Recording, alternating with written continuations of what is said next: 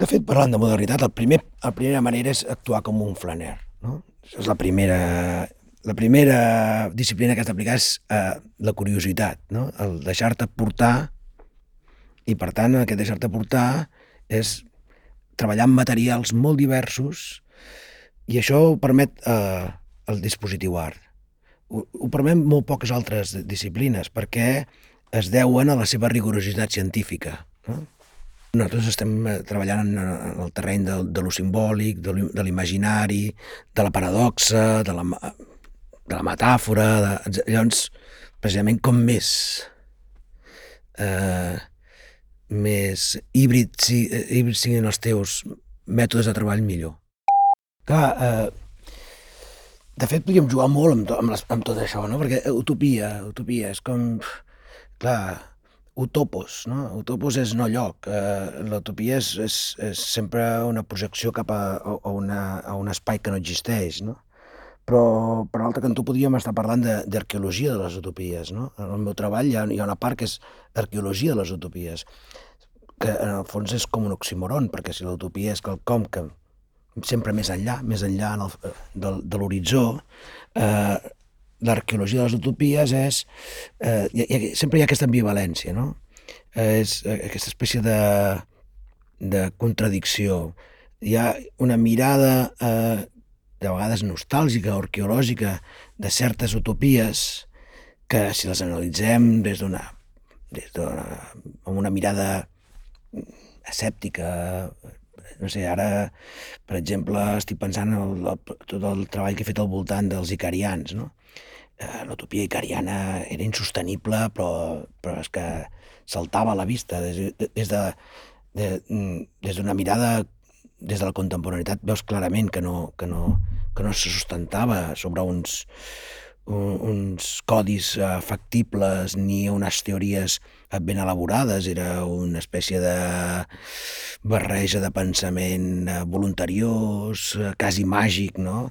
Imaginar la possibilitat de crear societats alternatives al sistema, al sistema capitalista eh, sense enfrontar-se a l'essència mateixa que és la, la, la lluita de classes, perquè no, perquè no ho tenien articulat com a tal, eh, era evident que no, no, no, donava, no podia portar enlloc. No? Eh, de fet, el llibre, el llibre d'Engels, eh, del socialisme utòpic al socialisme científic és, és, és, de, és demolidor. La seva crítica, més enllà que, el, igual com el petit capítol del manifest comunista que els de, que dediquen a, a, a les utopies, al socialisme utòpic, eh, tant Marx com Engels eh, tenen un, un respecte cap a ells, no? perquè eh, valoren el, el, el fet de ser pioners d'un pensament eh, alternatiu, eh, la seva crítica és bastant demolidora, no? Després també se'l podria aplicar amb ells, eh, però, bé. però en aquell moment era molt clar que partien d'una ingenuïtat perquè no havien focalitzat quin era realment eh, l'essència. De fet, no havien fet el que va fer Marx després, que és analitzar el sistema capitalista. Eh, és eren conscients de la injustícia del sistema, però no havien analitzat els mecanismes per al qual aquest sistema funcionava. No? Per tant, el no tenir detectats exactament aquestes coses acaba sent unes teories més basades en, la, en el voluntarisme, no? en la, construïm un lloc per viure millor, tots serem millors, eh, eh, etc. Doncs, quan estava fent aquest treball, investigant sobre els icarians, vaig voler eh, contactar amb, amb gent que avui dia estigués, en certa manera, eh, generant en el, en el present eh, pràctiques més o menys similars. I em vaig posar en contacte amb, amb gent eh, relacionada o pròxima o part de, de la cooperativa integral catalana.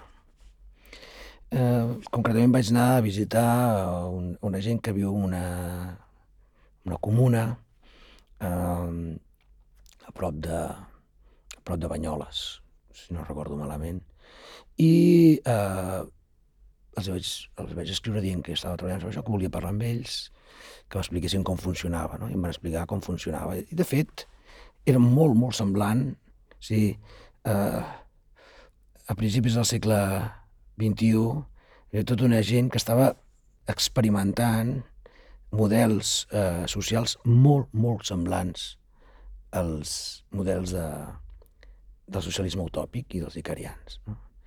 I eh, quan jo els vaig comentar aquesta, aquesta similitud, aquesta semblança,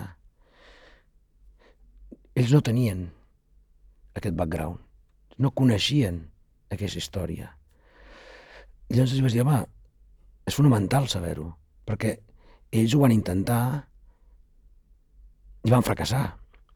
I és important saber per què i quines coses van funcionar i quines no per poder assajar. Per tant, és fonamental, si volem pensar alternatives, hem de recuperar les, ruïnes de l'utopia, no?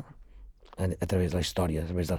Aixecar, la, aixecar els vels de la història i, i buscar en, aquests, en aquestes microhistòries que han passat, no? Aquestes, eh, aquest pòsit eh, dels relats, eh, dels intents de construcció de relats eh, antihegemònics dintre la modernitat.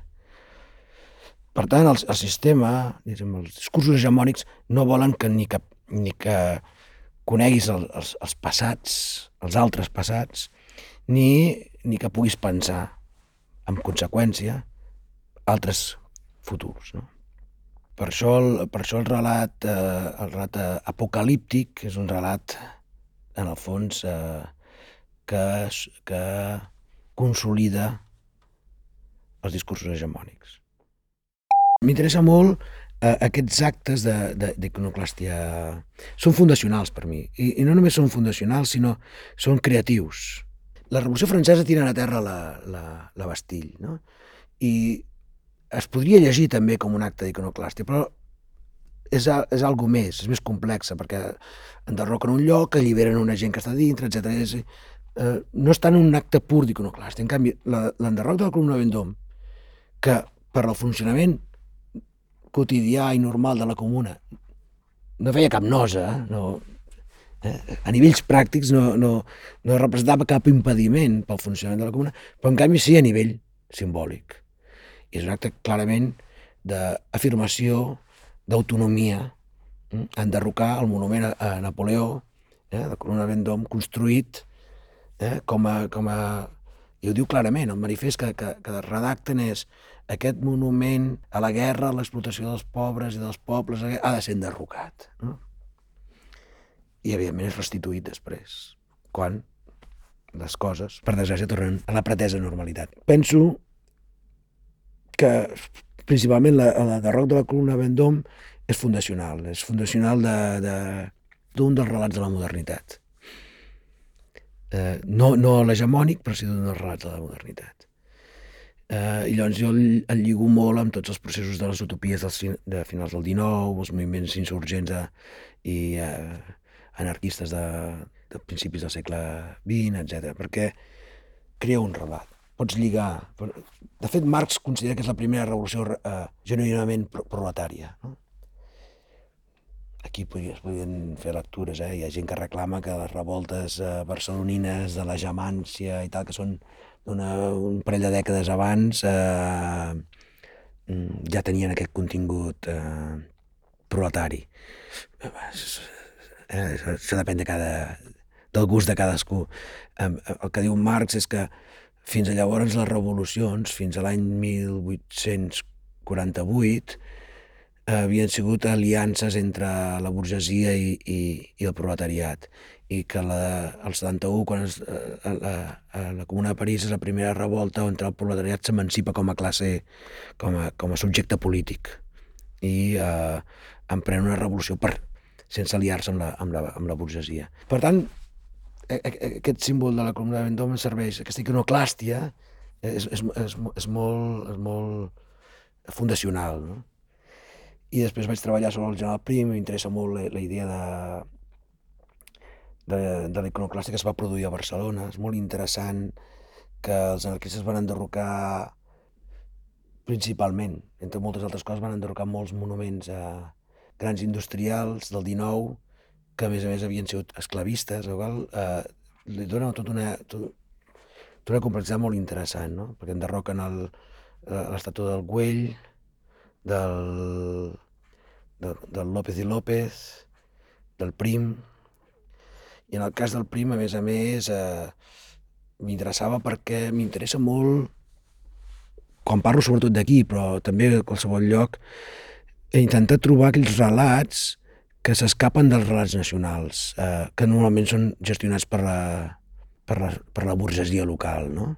És a dir, el relat èpic de finlandès és el relat de la independència de Finlàndia i del control que exerceix durant 40 anys la burgesia finlandesa. No, no és el relat dels camps de concentració que van, que van ficar eh, centenars de treballadors i comunistes al 18, eh, que van matar a milers i milers de comunistes perquè es va, després de la independència va haver una guerra civil.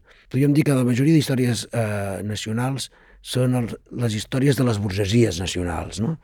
I llavors el personatge Prim és claríssim. Prim és un heroi dintre l'imaginari català. I ningú explica que Prim van bombardejar la ciutat de Barcelona i que va destruir el 40% de la ciutat. I tothom parla d'Espartero, sí, perquè Espartero venia de fora i ens va bombardejar. I Prim, Prim té una, una estàtua a Reus i una estàtua a Barcelona.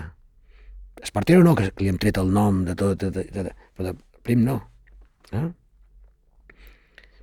Espartero va, va bombardejar Barcelona i al cap de menys de 10 anys va ser Prim que va bombardejar i quantitat de barcelonins eh, de...